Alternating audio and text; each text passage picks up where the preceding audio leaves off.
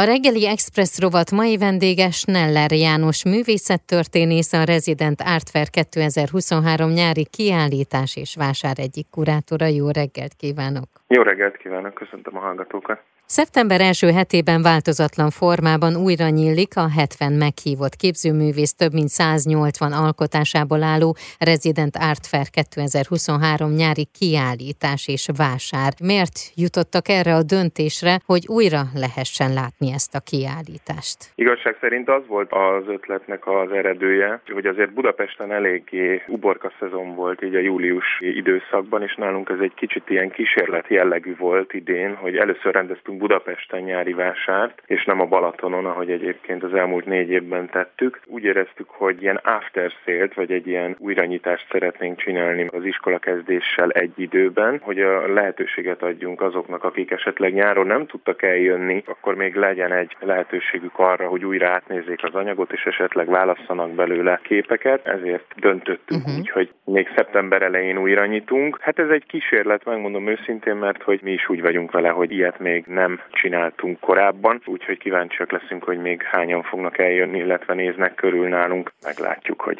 hogyan alakulnak a dolgok. Hát remélem, hogyha utána beszélgetünk, arról tudunk beszámolni majd, hogy nagyon nagy érdeklődés mellett zajlott szeptember 6-a és 9-e között. Kiknek az alkotása látható? Kik kerültek be a válogatásba? Fiatal művészek, vagy ismertebbek is láthatóak? Nekünk ez 12. vásárunk, amit az elmúlt 5 évben rendeztünk Bánki Ákos barátommal és kollégámmal. Ez alatt az öt év alatt azért kialakult egy olyan törzsgárda, akiket rendszeresen hívunk, illetve rendszeresen szerepelnek. Ezek között vannak olyan alkotók, akik kifejezetten ismertek a hazai kortás művészeti szcénában, illetve azon kívül is remélhetőleg, illetve van egy olyan megújuló része a vásárnak, amit évről évre szeretünk frissíteni, ahol pedig olyan fiatalokat próbálunk meghívni, akik még nem szerepeltek a vásáron, vagy egy egyáltalán nem ismertek a művészeti szcénában, hanem mondjuk most végeztek az egyetemen, vagy egy-két évvel ezelőtt, és még nem nagyon volt lehetőségük arra, hogy a műkereskedelemben is megmutassák magukat. Nincs feltétlenül fix galériájuk, illetve nincs ismert ismertségük, gyűjtőkörük, viszont tehetségesek, illetve látunk bennük valami olyan pluszt vagy fantáziát, ami felkelti a mi érdeklődésünket is, illetve olyan vizuális megoldásokat, olyan vizuális újdonságokat alkalmaznak, amelyeket mi még korábban korábban nem láttunk máshol, és ez a fajta újdonság, ez a fajta frissesség az, ami miatt aztán beválogatjuk őket, úgyhogy idén például volt egy OTDK verseny tavasszal, ami a kifejezetten a képzőművészeknek, festőknek volt rendezve, és ott több budapesti uh-huh. galériában kiállították ezeket a művészeket, és akkor volt ugye egy zsűri, akik elbírálták, illetve mi is választottunk öt művészt, akit meghívtunk, függetlenül az ottani zsűri döntésétől, egyszerűen mi úgy gondoltuk, hogy akiket mi kiválasztunk, azokat meghívjuk erre a vásárra, hatására. Ezek között vannak még olyanok, akik nem is végeztek az egyetemen, uh-huh. hanem még most is tanulnak, és ez nekik egy óriási lehetőség, hogy bemutatkozzanak, sokan látják őket, illetve még voltak olyanok, akiktől el is adtunk, és remélhetőleg még el is fogunk adni. Úgyhogy remélhetőleg ez becsatornázza őket uh-huh. aztán a kortás művészetnek, vagy a műkereskedelemnek a világába, és elindulnak, el tudnak indulni egy olyan úton, ahol aztán akár önfenntartóakká is válhatnak. Úgyhogy én azt gondolom, hogy itt van egy körülbelül 20% akik újak, körülbelül 20 művészről van szó, plusz ezek a nagyon fiatalok, és van egy 80 százalék, akikkel pedig rendszeresen együtt dolgozunk ezeken a vásárokon, illetve vannak olyanok is, akikkel pedig a galéria az évközben is rendszeresen együtt dolgozik, tehát úgymond a galériának a törzs gárdájához vagy szűk művészköréhez tartoznak, tehát így áll össze körülbelül ez az anyag. Ennek a kiállításnak van-e valamilyen súlypontja? Egyfajta tágabb merítést szeretnénk mutatni, és egyfajta keresztmetszetét szeretnénk mutatni a magyar kortás művészeti szcénának, hogy azok, akik most lépnek be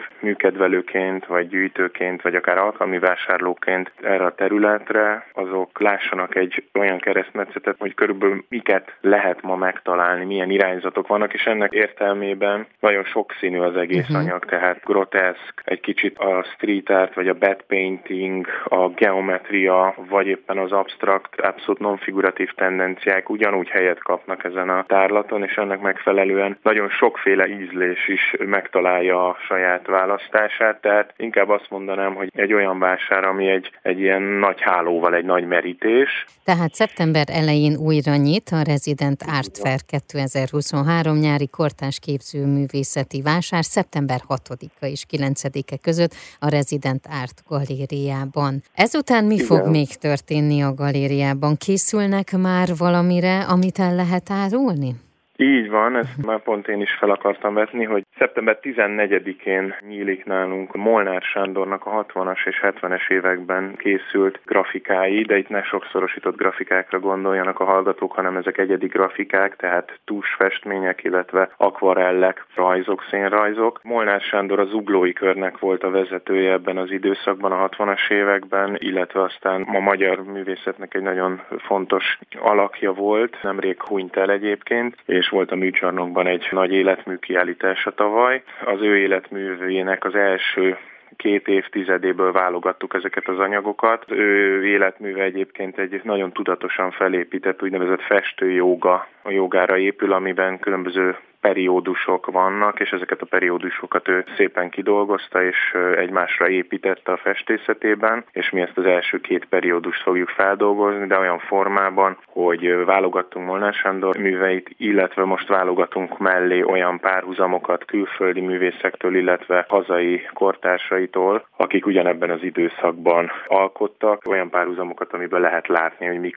azok, amik hatottak az ő művészetére, illetve ők kikre hatott, tehát hogy egy picit ilyen múzeumi jellegű kiállítást fog most rendezni, ami másfél hónapig lesz nyitva, és szeretnénk egy picit a Molnár Sándornak a grafikáira is ráirányítani a figyelmet a festészete mellett, mert ugye a műcsarnokban főleg a festményei, illetve a szobrai voltak láthatók, viszont van egy óriási grafikai hagyatéka is, amit talán kevésbé ismert, illetve szeptember 21-től indul a Budapest Contemporary vásár a Bálnában, uh-huh. és ott is jelen leszünk a, a rezidentártal. Úgyhogy ez egy nagyon izgalmas most induló vásár, ahol több mint 30 budapesti, illetve vidéki galéria lesz jelen, és egy nagyon exkluzív jó vásár lesz, úgyhogy szeptemberben ezek lesznek még a vásár mellett a programunk, uh-huh. úgyhogy elég sűrű lesz most a szeptember, mert sok mindenkit szeretnénk bemutatni ott a Budapest Contemporary is. Ezek a galériának a következő programjai, de hát szívesen erről majd mesélek még. Jó, rendben lesz rá alkalom. Rezidentárt, ez itt van a uh-huh. Mhm. 8. kerületben, gyakorlatilag a Kálvin tér mögött, Horánszki utcában, tehát a Mixár térhez nagyon közel. Itt kezd most kialakulni egy ilyen érdekes kis kulturális negyed a Palota negyedben, ahol több galéria is megvetette a lábát, és nagyon sok kávézó van, tehát érdemes ide elsétálni akkor is, hogyha az ember szeretne egy kicsit kikapcsolódni, akár munka után szépen fejlődő városrész.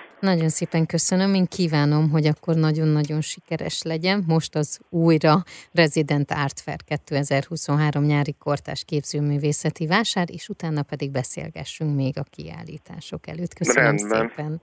Köszönöm a lehetőséget. A reggeli Express rovat mai vendége Schneller János művészettörténész volt, a Resident Art Fair 2023 nyári kiállítás és vásár egyik kurátora.